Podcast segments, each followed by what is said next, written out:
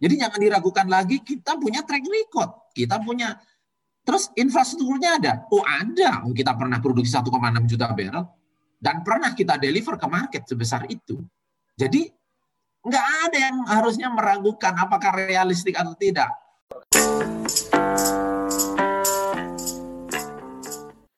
Halo semuanya, kembali lagi di podcast Geo Insight. Kali ini bersama saya Nurkolis dan saya Avel Yansyah. Iya, kali ini kita akan sedikit ngobrol yang agak serius nih, Vel ya. Iya. ya, Vel podcast kali ini uh, di episode kali ini disponsori oleh PT RDA Teknologi Indonesia, perusahaan oil services yang bergerak di bidang jasa, subservice uh, oil and gas. Jangan lupa ikutin podcast ini sampai uh, akhir ya, karena kita akan memberikan informasi uh, lanjut apa itu RDA Teknologi. Oke, Vel kita mau ngobrol sama uh, siapa nih, Vel, kali ini, Vel? Ya, ini pembicara kita spesial banget kali ini, Lis, dan teman-teman Go Insight semua. Jadi pembicara kita namanya Bapak Wahyu Wibowo. Nah, Bapak Wahyu Wibowo ini siapa? Beliau adalah uh, Kadif Perencanaan Eksploitasi SKK Migas. Nah, nice. jadi um, kenapa akhirnya kita ngundang Pak Wahyu Wibowo nih, Lis? Uh, aku ingat tahun lalu uh, saya datang di presentasinya Pak Wahyu Wibowo di uh, Riau waktu itu di acara convention IAKI. Kan. Beliau mempresentasikan tentang um, apa produksi cita-cita produksi migas Indonesia sampai hmm. 2030 ke depan. Dan itu uh, beliau mempresentasikannya dengan sangat uh, bersemangat dan sangat menarik. Jadi orang-orang jadi uh, ke, tergerak lah untuk melihat presentasi dia. Nah, kayaknya menarik banget kalau Bapak uh, Wahyu bisa menceritakan kembali uh, program tersebut di uh, podcastnya podcast ya. Supaya kita-kita ini tahulah ke depannya itu produksi migas Indonesia itu akan dibawa ke mana sih? Nah, untuk itu telah bergabung bersama kami Bapak Wahyu Wibowo. Selamat pagi Pak Wahyu. Ah, selamat pagi Mas. Assalamualaikum warahmatullahi wabarakatuh. Waalaikumsalam warahmatullahi wabarakatuh. Terima kasih Pak sekali lagi Pak sudah mau hadir di podcast Geo Insight ini Pak. Oke, Pak Wahyu, sebelum kita uh, ngobrol-ngobrol uh, lebih jauh, mungkin Pak Wahyu bisa ceritain sedikit ke teman-teman pendengar Geo Insight uh, sebagai kadif uh, perencanaan eksploitasi SKK Migas, uh, job desk Bapak sendiri di SKK Migas itu ngapain sih Pak? Karena mungkin beberapa pendengar kurang familiar, familiar. SKK itu tugasnya apa, uh, Kadif Perencanaan Eksploitasi itu tugasnya ngapain, mungkin bisa diceritakan sedikit tuh Pak. Uh, Oke, okay, terima kasih Mas ya. Uh, pertama-tama uh, saya ucapkan terima kasih telah mengundang saya dan uh, untuk itu saya ucapkan Assalamualaikum warahmatullahi wabarakatuh. Salam sehat uh, buat semuanya, uh, buat Mas Nur Kolis dan buat Mas siapa satunya? Avel, Pak. Mas Avel. Oke. Okay. Jadi gini, kalau ditanya kalau uh, singkatnya itu apa tugas sebagai Kadif uh, Perencanaan Eksploitasi ya memastikan program-program eksploitasi itu berjalan dengan baik, lancar, dikerjakan secara on time, on schedule, on budget. Nah, bagaimana itu bisa tercapai? Wah, tentunya banyak sekali pekerjaan administratif, pekerjaan teknikal itu banyak sekali dan saya punya sekitar mungkin 30 tim ya di dalam uh, divisi saya untuk memastikan program eksploitasi hulu migas di Indonesia itu berjalan dengan lancar. Itu kira-kira program besarnya. Kalau apa tugas besarnya. Kalau detailnya itu banyak sekali ya. Kita berdiskusi dengan K3S kita datang ke K3S memastikan segala macam program yang sudah disusun bisa dieksekusi dengan baik. Kira-kira oh. begitu. Oke. Okay. okay. bagus sekali ternyata ya. Luar biasa.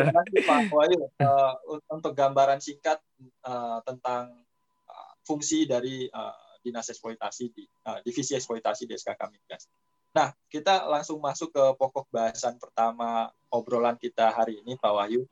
Uh, khususnya soal uh, produksi migas Indonesia, di mana di tahun 2020 ini kan kita mengalami apa yang dikatakan sebagai triple shock. Jadi, uh, shocking pertama itu kita kena pandemi COVID, hampir setahun kita sudah mengalami pandemi COVID, kemudian diperparah juga dengan nilai tukar rupiah yang terhadap dolar itu melemah dan terakhir harga minyak sepanjang tahun 2020 kan sempat menyentuh titik terendah juga. Nah, um, yang ingin saya tanyakan dengan menghadapi tantangan yang sangat besar di 2020 ini, kabar industri migas Indonesia hari ini itu seperti apa sih Pak Wahyu? Gini, uh, memang 2020 itu challenging years ya. Jadi seperti disampaikan tadi dengan dengan clear ya bahwa ada triple shock yang seperti dijelaskan tadi. Nah sebelum saya menjawab kabar Indonesia, biar orang itu nggak terpikir bahwa oh ini Indonesia saja. Oh tidak, ini adalah isu pandemi ini adalah pandemi global. Nah, bisa nggak saya share sesuatu sehingga orang bisa mendapatkan eh, apa ya clear informasi dan nanti bagaimana dengan Indonesia gitu. Boleh ya? Boleh Pak, silakan Pak. Ini adalah publikasi uh, World Oil. Semua orang tahu kalau uh, bekerja di industri upstream itu tahulah apa itu jurnal World Oil. Itu jurnal yang terkenal di dunia. Dan ini dikeluarkan di September ya nggak beberapa bulan yang lalu. Bahwa di second half 2020 Amerika yang kiblatnya uh, industri hulu migas itu kegiatan drillingnya itu di second half itu diperkirakan itu akan turun sebes, apa mencapai titik terendah seperti 122 tahun yang lalu. Jadi wow. bisa dibayangkan ini dampak dari yang tadi triple shock itu. Jadi kegiatan industri hulu migas di sana itu pemborannya ya. Biasanya kan eh, kegiatan industri eh, migas itu dilihat dari berapa kegiatan banyaknya kegiatan pemboran, berapa banyak rig yang bekerja. Itu turun sampai seperti di 122 tahun yang lalu. Nah, sebagai pembanding di Indonesia kita juga turun.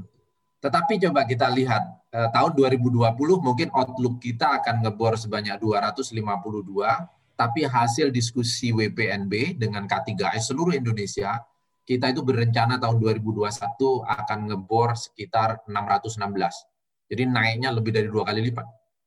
Di tempat lain turun ya, di kita oke okay. ini ini satu ini ini fakta satu ya yang nanti nanti saya akan ke Indonesia fakta kedua restart energi itu salah satu kayak konsultan yang terkenal itu memperkirakan kenaikan pengeboran atau kenaikan jumlah sumur yang akan dibor di tahun 2021 dari 2020 itu hanya naik 10 persen.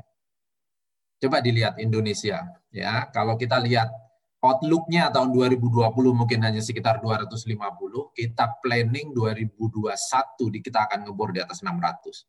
Semoga aja ini bisa berjalan dengan lancar ya. Tapi yang jelas adalah semua sumur ini sudah dikomit oleh K3S di dalam diskusi BPNB dan itu sebagai acuan untuk dikerjakan di tahun 2021. Jadi kita naik lebih dari double bahkan hampir tiga kali lipat jadinya ya dibanding 2022. Sementara dunia hanya 10 persen. Ya, itu fakta kedua sebagai pembanding.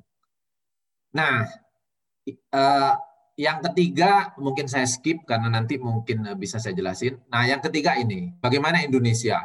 Ya memang turun semua. Hampir seluruh dunia kegiatannya turun gara-gara ada triple stock ini. Oil price turun, ada COVID, dan segala macamnya. Nah, jadi dari sisi seismik, 2D maupun 3D, development well, exploration well, walkover, well service itu turun. Poin saya itu sebenarnya bukan masalah turunnya, karena turun itu di, dialami oleh semuanya. Poin yang paling penting adalah bagaimana recovery plan-nya untuk mengejar ketertinggalan yang di 2020. Dan tadi sudah saya tunjukkan seperti slide ini. Kita akan mempunyai tahun-tahun sibuk dari 2021 ke depan, terutama setelah dicanangkannya LTP, di mana kita mempunyai goal 1 juta barrel di 2030. Jadi gitu kira-kira. Ini kebayang ya gambaran dampak dan apa dampaknya ke Indonesia dan global dan bagaimana kita meresponnya. Kira-kira gitu. Oke. Cukup tergambar jelas ternyata memang ini dampaknya sebenarnya nggak hanya ke Indonesia tapi seluruh dunia mengalami shocking yang uh, akibat yeah. dari hal-hal yang mengejutkan di tahun ini ya Pak ya. Ya, kira-kira okay. begitu. Iya. Dan itu uh, apa targetnya sendiri Pak? Efeknya itu terhadap rencana kerja SKK Migas itu Kan tadi uh, turun Pak dan akan uh, akan uh, butuh recovery-nya di tahun-tahun depan itu akan tambah kerjanya makin makin berat lah gitu. Ini uh, efeknya terhadap target rencana kerja SK Migas gimana Pak? Ah, sebenarnya kerja di hulu migas kan kerja bareng ya semua stakeholder yang ada di di industri hulu migas. Uh, kita coba kerucutkan uh, mungkin ada uh, tiga atau empat stakeholder yaitu ada K3S, ada SKK, ada ESDM yang ada migas di dalamnya. Uh, gini, untuk menuju target yang diinginkan tentunya perlu kerja keras dan itulah tadi yang saya tunjukkan bahwa kita perlu pekerjaan yang masif dan agresif di 2021 untuk apa? Ya untuk mencapai target yang sudah dicanangkan di dalam APBN. Jadi target kita tidak pernah tidak adalah harus bisa bagaimana kita menuju ke target APBN, pencapaian target APBN. Dan syaratnya apa? Ya syaratnya tadi yang saya tunjukkan di dalam salah satunya adalah target pemborannya harus 600 ke atas. Kalau di hmm. bawah gitu susah kita mencapai ini. Kenapa? Karena 2020 uh, sudah sangat uh, impact-nya sangat besar. Yang pertamanya kita asumsikan bisa 735 ribu di minyak, ternyata akhirnya jatuh di 706 gitu ya. Nah itu jadi ada dampak 30 ribu itu dampak yang dari pertamanya kita perkirakan kalau tidak ada COVID. Jadi COVID itu sendiri sudah kontribusinya sangat banyak. Maksudnya triple shock itu tadi memberikan kontribusi yang sangat besar. Tetapi kembali lagi saya bilang saya tidak ingin uh, apa ya tidak ingin uh, memikirkan uh, terus nggak bisa tidur hanya memikirkan 2020 yang lebih penting adalah bagaimana respon kita supaya 2021 bisa bangkitnya jauh lebih cepat dibanding yang lain kalau bisa gitu kan dan itu tadi sudah ditunjukkan dari program kerja yang sudah kita susun jauh lebih agresif dibanding uh, apa yang ada di rata-rata dunia seperti yang saya tunjukkan tadi. Kira-kira yeah. begitu. Oke. Okay. Um, nah, ini menarik nih uh, soal produksi yang uh, sudah dicanangkan oleh SKK Migas. Memang uh, rencana di tahun 2020 tidak berjalan sebagaimana mestinya, namun diusahakan 2021 hmm. ke depan kita akan mengejar target itu tadi. Nah, sekarang udah yang, ada vaksin ya, Vel ya. Iya. program yang uh, kita dengar tahun 2019 kemarin yang dikampanyekan Pak Wahyu dan kawan-kawan SKK Migas adalah menuju produksi minyak Indonesia satu juta barrel oil per harinya. Nah, itu kemarin uh, ya akhir tahun 2019 yang saya ingat uh, Pak Wahyu dan SKK Migas mengambil, memanggil semua K3S untuk mengkampanyekan ini karena ini adalah pekerjaan bersama bukan pekerjaan SKK SKK Migas sendirian. Jadi pekerjaan bersama dengan K3S dan stakeholder lain. Nah, uh, yang ingin kita tanyakan nih Pak mengenai program uh, itu. Mungkin sebelum kita nanyain kabar programnya, Pak Wahyu bisa menceritakan sedikit apa sih sebenarnya program satu juta BOPD itu kenapa harus satu juta dan kenapa harus 2030 gitu Pak. Sebelum nanti menjawab uh, progres dari penyelenggaraan program itu Pak. Monggo Pak Wahyu. Jadi gini, uh, nanti saya bisa jelaskan panjang lebar. Kira-kira begini, pada saat uh, kita ingin uh, jadi gini, uh, supaya kita bisa fokus terhadap apa yang akan kita kerjakan, kita harus punya guideline. Guideline itu berupa long term plan. Kalau tidak, kita hanya bekerja dari tahun sekarang ke tahun besok ke tahun besok tanpa tahu grand strateginya seperti apa. Akhirnya dibuatlah yang namanya long term plan itu, yang sekarang menjadi long term plan Hulu Migas Indonesia. Nah, eh, bagaimana long term plan kok tiba-tiba bisa satu juta kok pas-pas benar atau uh, eh, 2030 kok pas-pas benar gitu? Enggak. Jadi itu dibangun dari basis data yang ada. Jadi ini bottom up, benar-benar bottom up, bukan ada perintah pokoknya saya ingin sekian tahun sekian, enggak ada itu. Jadi ini benar-benar dibangun oleh bottom up berdasarkan resources yang ada. Kita hitung, kita evaluasi, kita validasi, dan ternyata memang memungkinkan untuk satu juta barrel di 2030. Pertanyaannya apakah bisa tercapai? Ya sekarang kita nggak tahu, tetapi proses menuju ke sana harus di, di apa harus dirintis gitu. Dan dan dengan adanya LTP, proses-proses itu bisa kita lakukan. Apa yang dibutuhkan sekarang, apa yang dibutuhkan tahun depan, apa yang dibutuhkan tiga tahun lagi supaya itu tercapai. Dan kita nggak tahu karena itu kan rahasia Tuhan apa yang terjadi nanti. Tetapi kita memastikan bahwa proses menuju ke sana dilakukan. Nah, kira-kira seperti itu gambaran kenapanya kok tiba-tiba ada satu juta 2030. Nah, yuk kita lihat kita lihat gini ya, kita lihat apa yang apakah ini realistis atau tidak gitu ya. Karena banyak yang bertanya, ini enggak realistis, ini apa? Yuk kita lihat. Kita lihat, saya ingin menunjukkan. Oke ya, uh, ini adalah produksi Amerika ya uh, di dalam di produksi Amerika. Semoga pointer saya kelihatan. Di, di, di, ini adalah produksi minyak Amerika dalam juta barrel per hari. Pada tahun 2010 ini mulai naik. Kita tahu di sini karena adanya uh, oil and gas boom dari unconventional resources, shale oil dan shale gas. Di 2010 mulai uh, kelihatan akan menanjak tinggi. Habis itu ada turun sedikit, ini gara-gara harga minyak pada waktu tahun 2016, 2015 itu mulai turun. Dan di sini ada turun di tahun 2020 ini gara-gara COVID. Tidak ada satupun orang Amerika saat itu baik yang tugasnya memprediksi bahwa akan bisa produksi di tahun 2020 itu 12 juta atau double dari tahun 2009. Kenapa? Ini saya tunjukkan apa yang mereka prediksi di tahun 2009. Nggak ada satupun. Mungkin di tahun 2009 kalau ada orang memprediksi itu produksinya 12 juta dianggap orang gila. In fact sekarang terjadi itu. Gitu. Dan dalam waktu hanya 10 tahun. Gitu. Di tahun akhirnya mereka merevisi di tahun 2015 prediksinya. Masih meleset juga. Gitu ya. Nah, di 2019 juga meleset karena ada Covid gitu. Jadi ini menunjukkan bagaimana itu. Nah, belajar dari Amerika itu, pertanyaannya itu sebenarnya tidak ada yang tidak mungkin di dunia ini.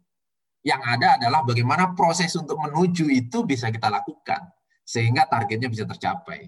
Yang ketiga, bahwa untuk mencapai satu juta barrel itu bukan pekerjaan yang sprint. Kita tidak lari 100 meter. Ini maraton. Sehingga endurance kita, energi kita ya memang harus di keep jaga di energi yang tinggi dan terus menerus gitu. Ini bukan kerja satu malam yang sekarang saya ngebor besok satu juta barrel. Kalau bisa kayak gitu saya juga ingin. Masalahnya kan tidak bisa, gitu kan? Nah, itu itu uh, saya ingin menunjukkan itu untuk mengarah ke yang lebih detail. Apakah ini realistis gitu ya?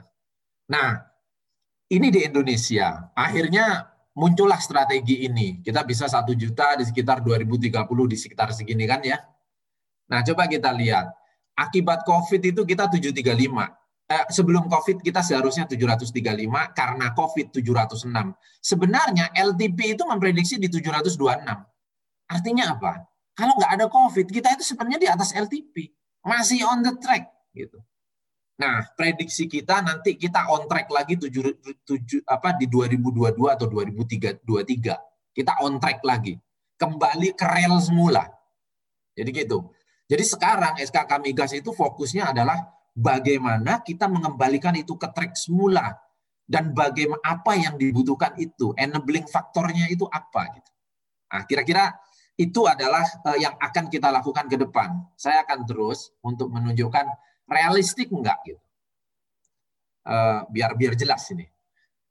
Uh, semua orang tahu ada Perpres 22 tahun 2017 di dalam Perpres yang disebut dengan RUEN, Rencana Umum Energi Nasional, inilah proyeksi produksi Indonesia ke depan 5 sampai 2050 dari tahun 2015. Ini uh, Perpresnya karena tahun 2017 tentunya ditandatangani 2017. Semua orang tahu yang membuat Perpres itu pasti orang hebat-hebat saat itu. Iya kan? Nggak mungkin presiden menandatangani sesuatu kerja yang tidak kerja hebat. Pasti kerja hebat gitu kan. Tidak ada yang salah dengan ini Eh, ahli-ahli pada saat itu memprediksi berdasarkan data dan informasi pada saat itu tahun 2016. Dan apa yang terjadi? Apa yang dilakukan dan apa yang terjadi dibanding dengan aktual? Kita bisa lihat aktual produksi itu di sini. Yang seharusnya diprediksi di 500. Kita produksi sekitar 706 tahun ini. Artinya hampir 200 ribu lebih tinggi. Ya, Coba bayangin kalau kita anggap kita tetap ikutin 200 ribu lebih tinggi aja. Sampai satu juta juga loh. Ya kan? Iya. Jadi jadi kita itu punya track record bahwa kita itu lebih tinggi 200 ribu. Nah kalau kita ikutin satu juta juga, ini satu gitu ya. Bahwa kita punya track record untuk mencapai satu juta, jangan salah. Terus yang kedua, kita itu punya tenaga kerja kelas dunia. Wah, you name it, banyak ahli-ahli kita diakui di dunia, nggak perlu diragukan lagi lah. Terus yang ketiga, cadangan kita banyak, cekungan belum dieksplor banyak. Jadi sumber dayanya jangan diragukan. Orangnya jangan diragukan, kemampuannya, sumber dayanya jangan diragukan banyaknya. Terus apakah kita punya track record? Oh punya. Oh kita pernah punya produksi sampai 1,6 juta kok. Ya kan? Hmm. Jadi kita iya. punya track record bahwa kita pernah mendevelop sesuatu yang besar. Bahkan Duri EOR itu itu terbesar di dunia loh, di Indonesia. Semua itu menjadi patokan dunia saat itu. Jadi jangan diragukan lagi kita punya track record. Kita punya terus infrastrukturnya ada. Oh, ada. Oh, kita pernah produksi 1,6 juta barrel dan pernah kita deliver ke market sebesar itu. Jadi nggak ada yang harusnya meragukan apakah realistik atau tidak. Pertanyaannya adalah kita mau kerja bareng, kerja keras nggak menuju itu. Itu yang sebenarnya yang harus kita lakukan bersama. Nah, kira-kira gitu ya. Iya. Oh, okay. Ternyata ya, ya emang realistis ya, Well ya setelah melihat uh, pemaparan dari beliau gitu. Banyak orang kan ah satu juta mimpi mungkin di tahun 2030 cuman uh, angan-angan aja gitu. Ternyata setelah hmm. dijelaskan dengan detail ya memang itu angka yang realistis untuk mencapai segitu. Benar, nah, benar. Sebenarnya nih, saya ada satu lagi yang membuat mungkin biar orang nggak lagi meragukan ya. Saya tunjukkan satu evidence lagi. Biar orang nggak meragukan. Boleh, Pak. Nah, maksud saya biar orang itu biar orang itu tidak bertanya lagi ini ada nggak barangnya supaya bisa satu juta? Mungkin nggak gitu. Biar nggak diskusinya di situ. Diskusinya biar lebih konstruktif adalah yuk apa yang dibutuhkan untuk mencapai itu. Karena itu angka-angka itu tadi unconstrained, masih banyak batas apa, masih banyak barrier-barrier yang harus kita lepas gitu ya. Supaya apa? Supaya ini tercapai.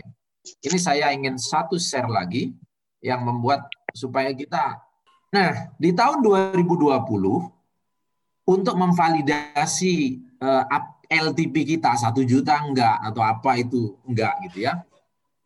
Semua K3S di Indonesia kita mintain datanya terkait dengan LTP-nya K3S.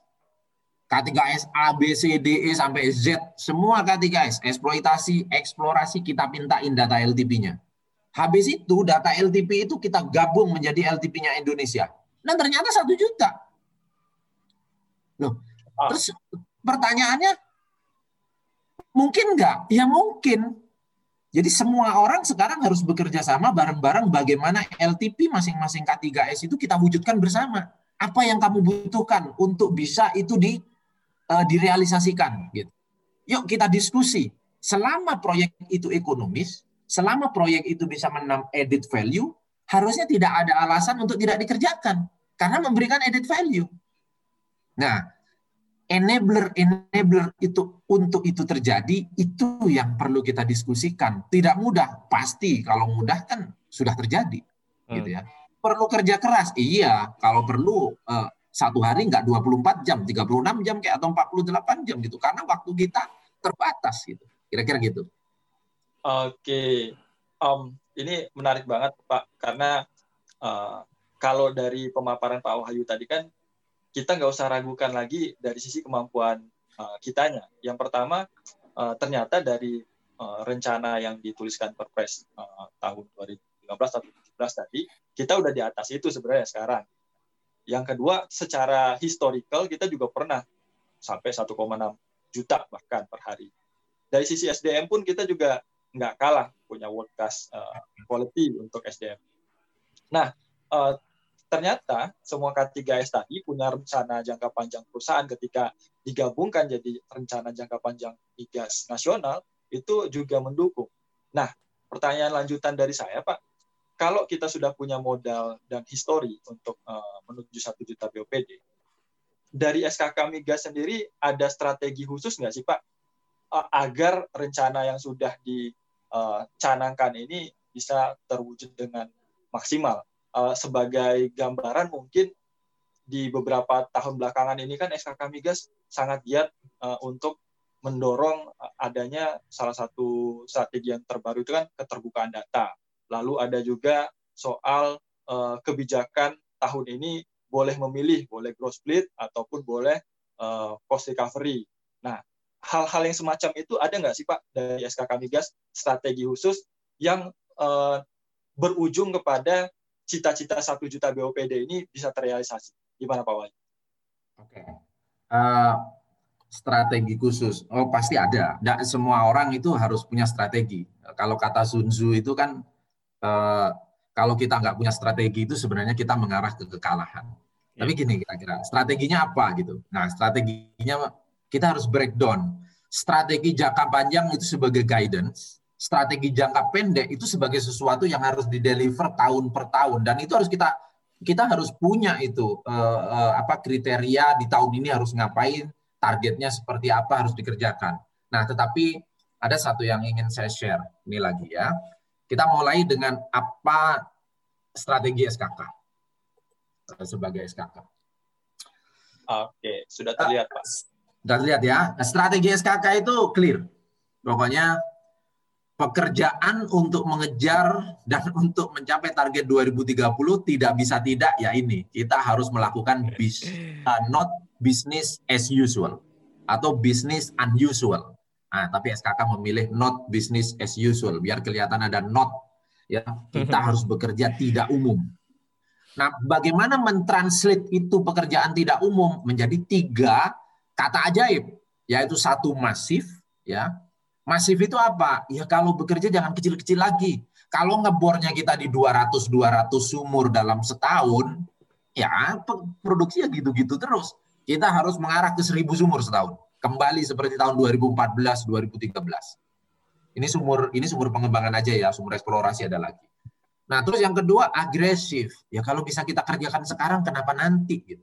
Kita percepat semua proyek gitu. Apa yang diperlukan? SKK membantu dan ibaratnya menemani terus proses itu supaya apa? Proses perizinan, proses pengadaan segala macam apa? Supaya pekerjaan bisa dilakukan sekarang. Karena pekerjaan besok itu menunggu dan menumpuk.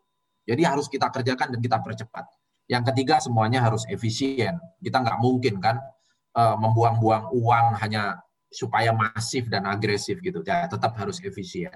Nah, untuk itu, untuk mencapai goal yang besar itu, ya tentunya kita mulai dari goal 2021 dulu dong gitu. Karena uh, adalah uh, nonsens kita ngomong target 2025 kalau 2021-nya tidak dilakukan sesuatu yang memang harus dikerjakan 2021.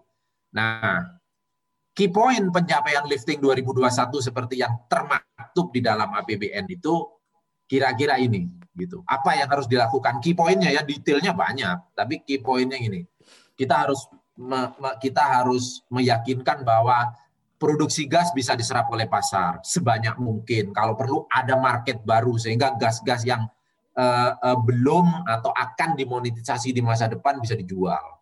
Terus karena pengeboran itu akan trip double dan hampir triple, kita yakinkan bahwa persiapannya kita mulai sekarang.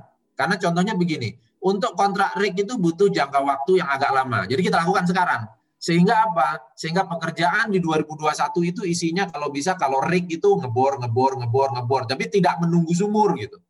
Jadi ngebor, ngebor, tidak menunggu, menunggu pengadaan gitu. Jadi ngebor, ngebor, ngebor, ngebor, sehingga efisien. Terus eh, kita tahu ya Banyu Urip dan Rokan itu kontribut hampir 50%, mungkin lebih bahkan 50% dari produksi Indonesia. Kita harus menjaga dua lapangan itu berproduksi di tingkat yang paling top. Terus jadwal proyek on stream itu kalau bisa tidak mundur on time. Fokus ke Pertamina, suka tidak suka ini karena Pertamina itu akan menjadi kontributor terbesar nih. Begitu Rokan jadi Pertamina, Pertamina menjadi kontributor produksi terbesar nasional. Artinya apa?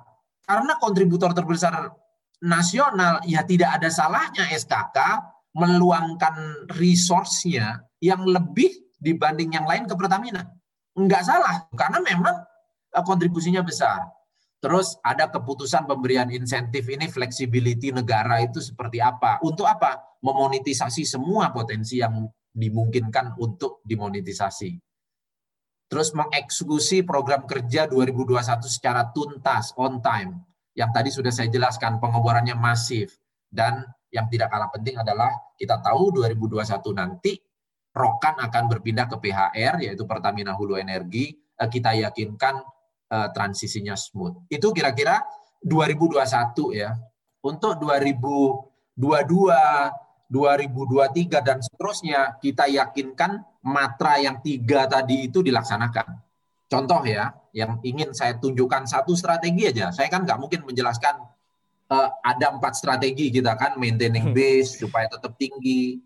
Uh, terus yang kedua itu bagaimana mentransform dari resource ke reserve ke produksi itu banyak PUD proyek-proyek yang ketiga EOR. Nah, saya ingin menjelaskan yang keempat. Itu terkait dengan uh, strategi eksplorasi aja, biar biar ini ya uh, satu aja karena keterbatasan waktu ini pasti kan. Nah, di strategi eksplorasi ini tak kasih contoh aja. Tahun ini kita ngebor hanya sekitar 20-an. Tahun depan kita dobelkan sekitar 40 targetnya. Dan itu wow. sudah dikomit di WPNB. Jadi eksplorasi akan juga agresif. Terus ya, tahun 2020 semua tahu kan Jambi Merang melakukan survei seismik 2D terbesar nomor dua di Asia Pasifik dan terbesar di Asia Tenggara dalam 10 tahun terakhir. Di open area, artinya di area yang selama ini belum dilakukan surveinya. Karena tidak di dalam WK-nya dia, tidak di dalam tempat di mana dia memproduksi, di open area. Itu 2020. Nah bagaimana 2021? 2021 akan ada subvolcanic fibroseismic survei terpanjang yang pernah ada di Republik ini. Wow. Di, di Pulau Jawa. Itu satu. Yang kedua, akan ada reprocessing pseudo 3D seismik dan itu menjadi yang terbesar di Asia Tenggara. 270 ribu kilometer square. Yang ketiga, akan ada airborne full tensor gravity survey di Papua dan terbesar yang pernah ada di Republik ini. Ya, 160 ribu, eh 106 ribu kilometer square. Terus akan ada reprocessing 2D seismic yang kemarin di Jambi Merang itu diambil, akan direproses menjadi uh, uh, sudut 3D mungkin. Nah, dengan ter, ter, ter itu tadi, terbesar segala macam, harapan kita apa? Ya harapan kita mendapatkan sesuatu yang giant discovery kalau dari sisi eksplorasi. Iya dong. Nah, eh, apakah ada Giant Discovery? Ya kita berdoa semuanya ada. Enggak ada yang tahu bakal dapat ada tidak, hanya Tuhan yang tahu kan. Tetapi kan Tuhan bilang di dalam Al-Qur'an, berfirman kalau kalau ingin berubah nasib kamu, ya kamu harus berusaha kan. Nah, ya. ini adalah usahanya. Dan usahanya apakah sepadan? Sudah sepadan karena kita besar-besar. Kalau ingin memancing ikan besar, ya jangan pakai umpan kecil. Dapat ikan wader kan? Nah, kalau ingin memancing ikan besar, ya umpannya besar gitu. Pekerjaannya besar, nggak pekerjaan kecil. Nah, itu adalah strategi SKK ke depan. Oh, wow. Gitu.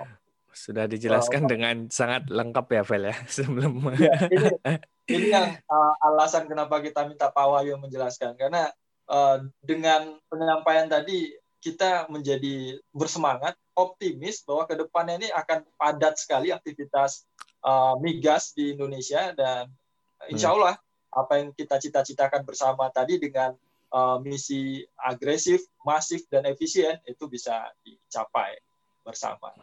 Iya. Terus gimana iya. Tentunya dengan yang ter-ter tadi.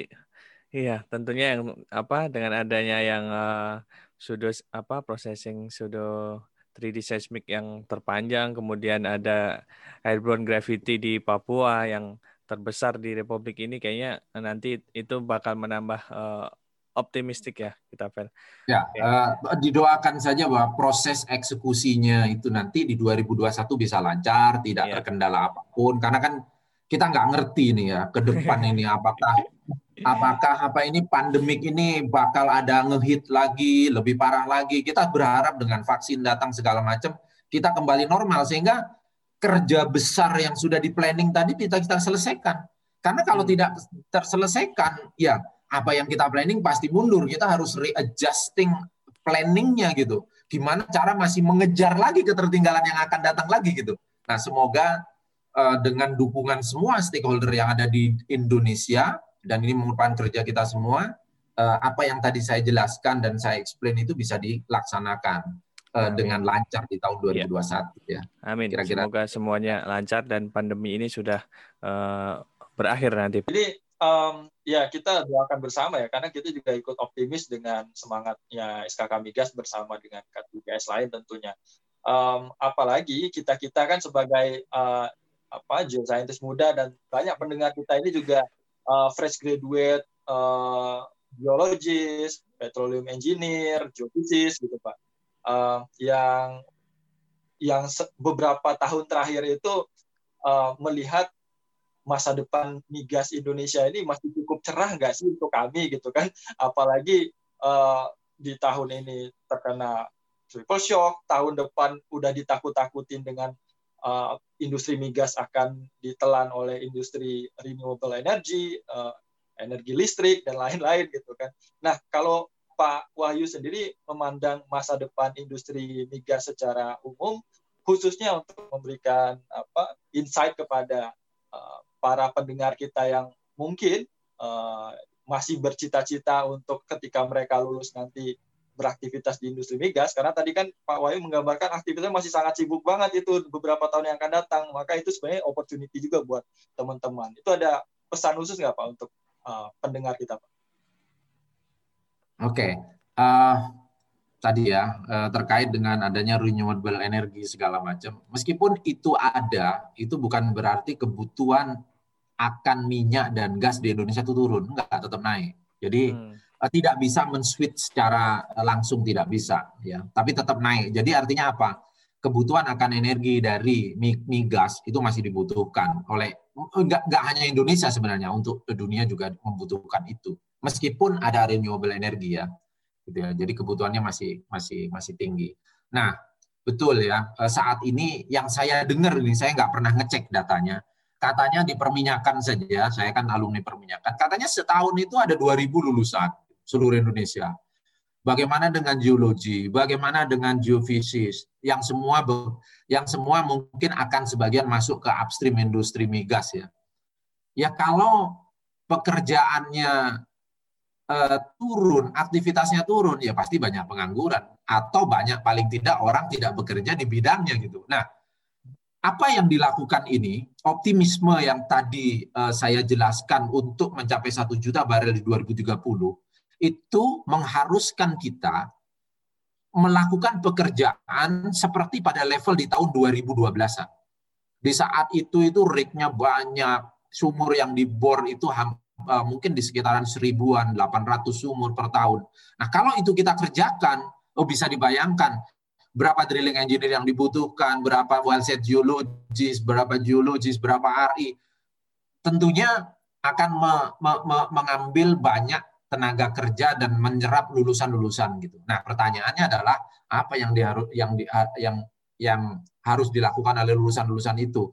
Ya upgrade skillnya, upgrade skill sehingga apa? Sehingga semoga aja mulai tahun depan aktivitas mulai picking up dan uh, langsung gaspol untuk menuju satu juta gitu ya.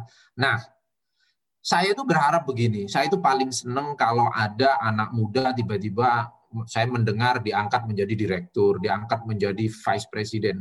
Oh, saya sangat senang sekali. Kenapa? Karena di anak muda inilah perubahan itu terjadi dan saya yakin itu dan saya percaya itu.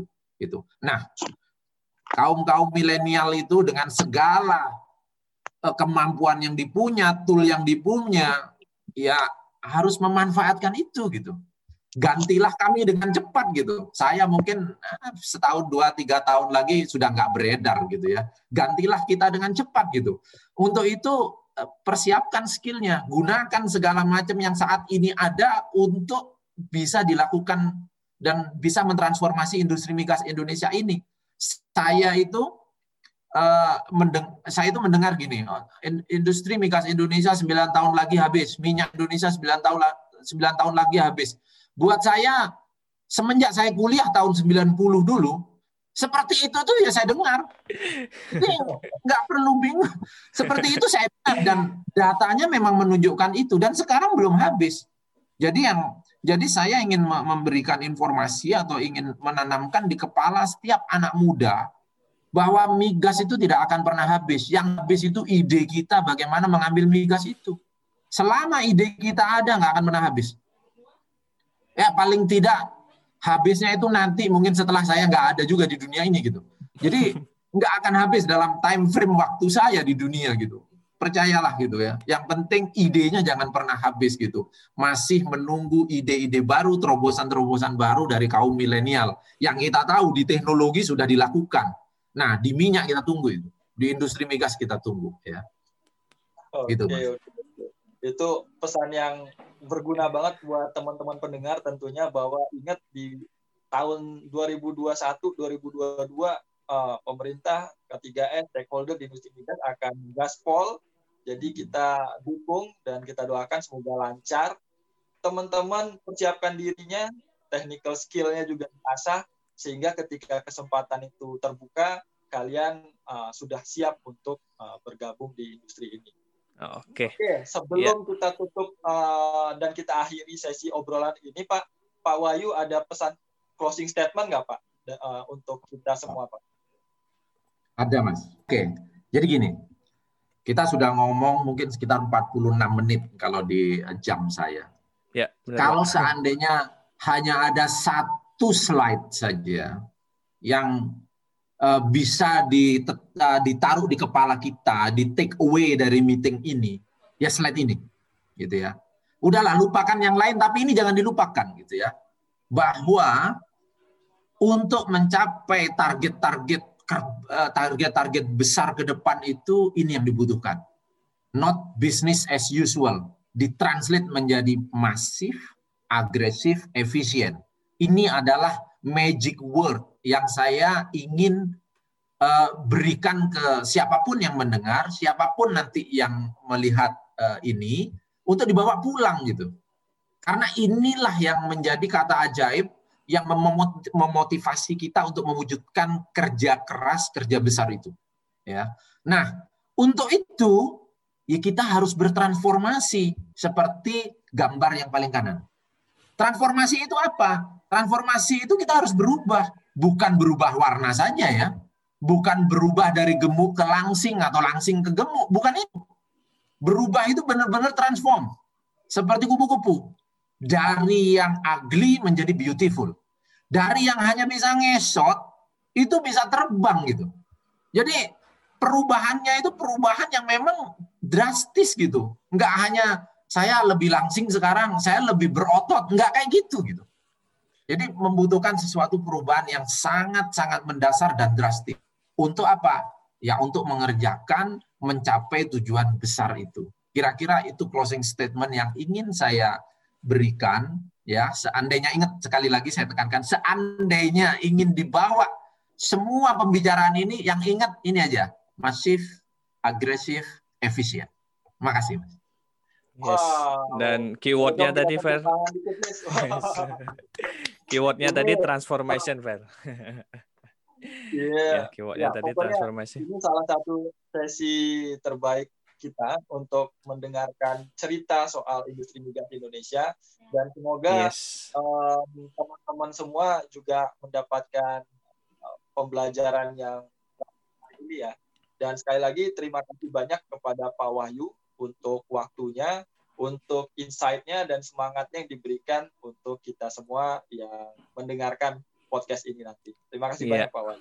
Halis mungkin? Iya, sudah di ya.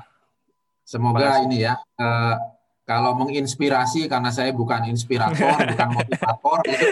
Uh, yang penting semoga informasi ini bisa ditangkap gitu ya sebagai bentuk optimisme kita bahwa ke depan itu uh, uh, jalannya itu nggak uh, gampang tapi achievable.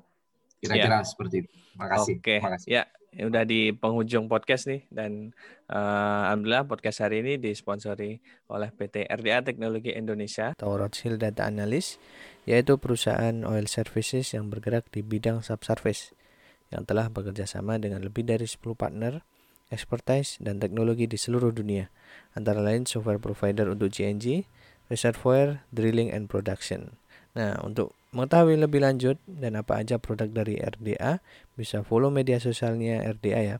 LinkedIn-nya di Rothschild Data Analyst, kemudian IG-nya at RDA, besar semua, Indonesia, YouTube-nya RDA Teknologi Indonesia, dan websitenya www.rothschild.com. Jangan lupa teman-teman juga bisa follow Instagramnya at geoinsight.id dan uh, ikuti kita juga di YouTube dan uh, Spotify at geoinsight. Di situ ada kita sudah lebih dari 40 uh, episode. Teman-teman bisa mendengarkan episode ini dan episode-episode sebelumnya. Terima kasih atas uh, waktunya Pak Wahyu. Sama-sama, Mas. Semoga Badia. berguna buat semuanya. Iya, pasti ini berguna banget ini, Pak. Terima kasih. Kita tutup. Sampai jumpa di episode selanjutnya. Bye. Bye. Bye. Assalamualaikum.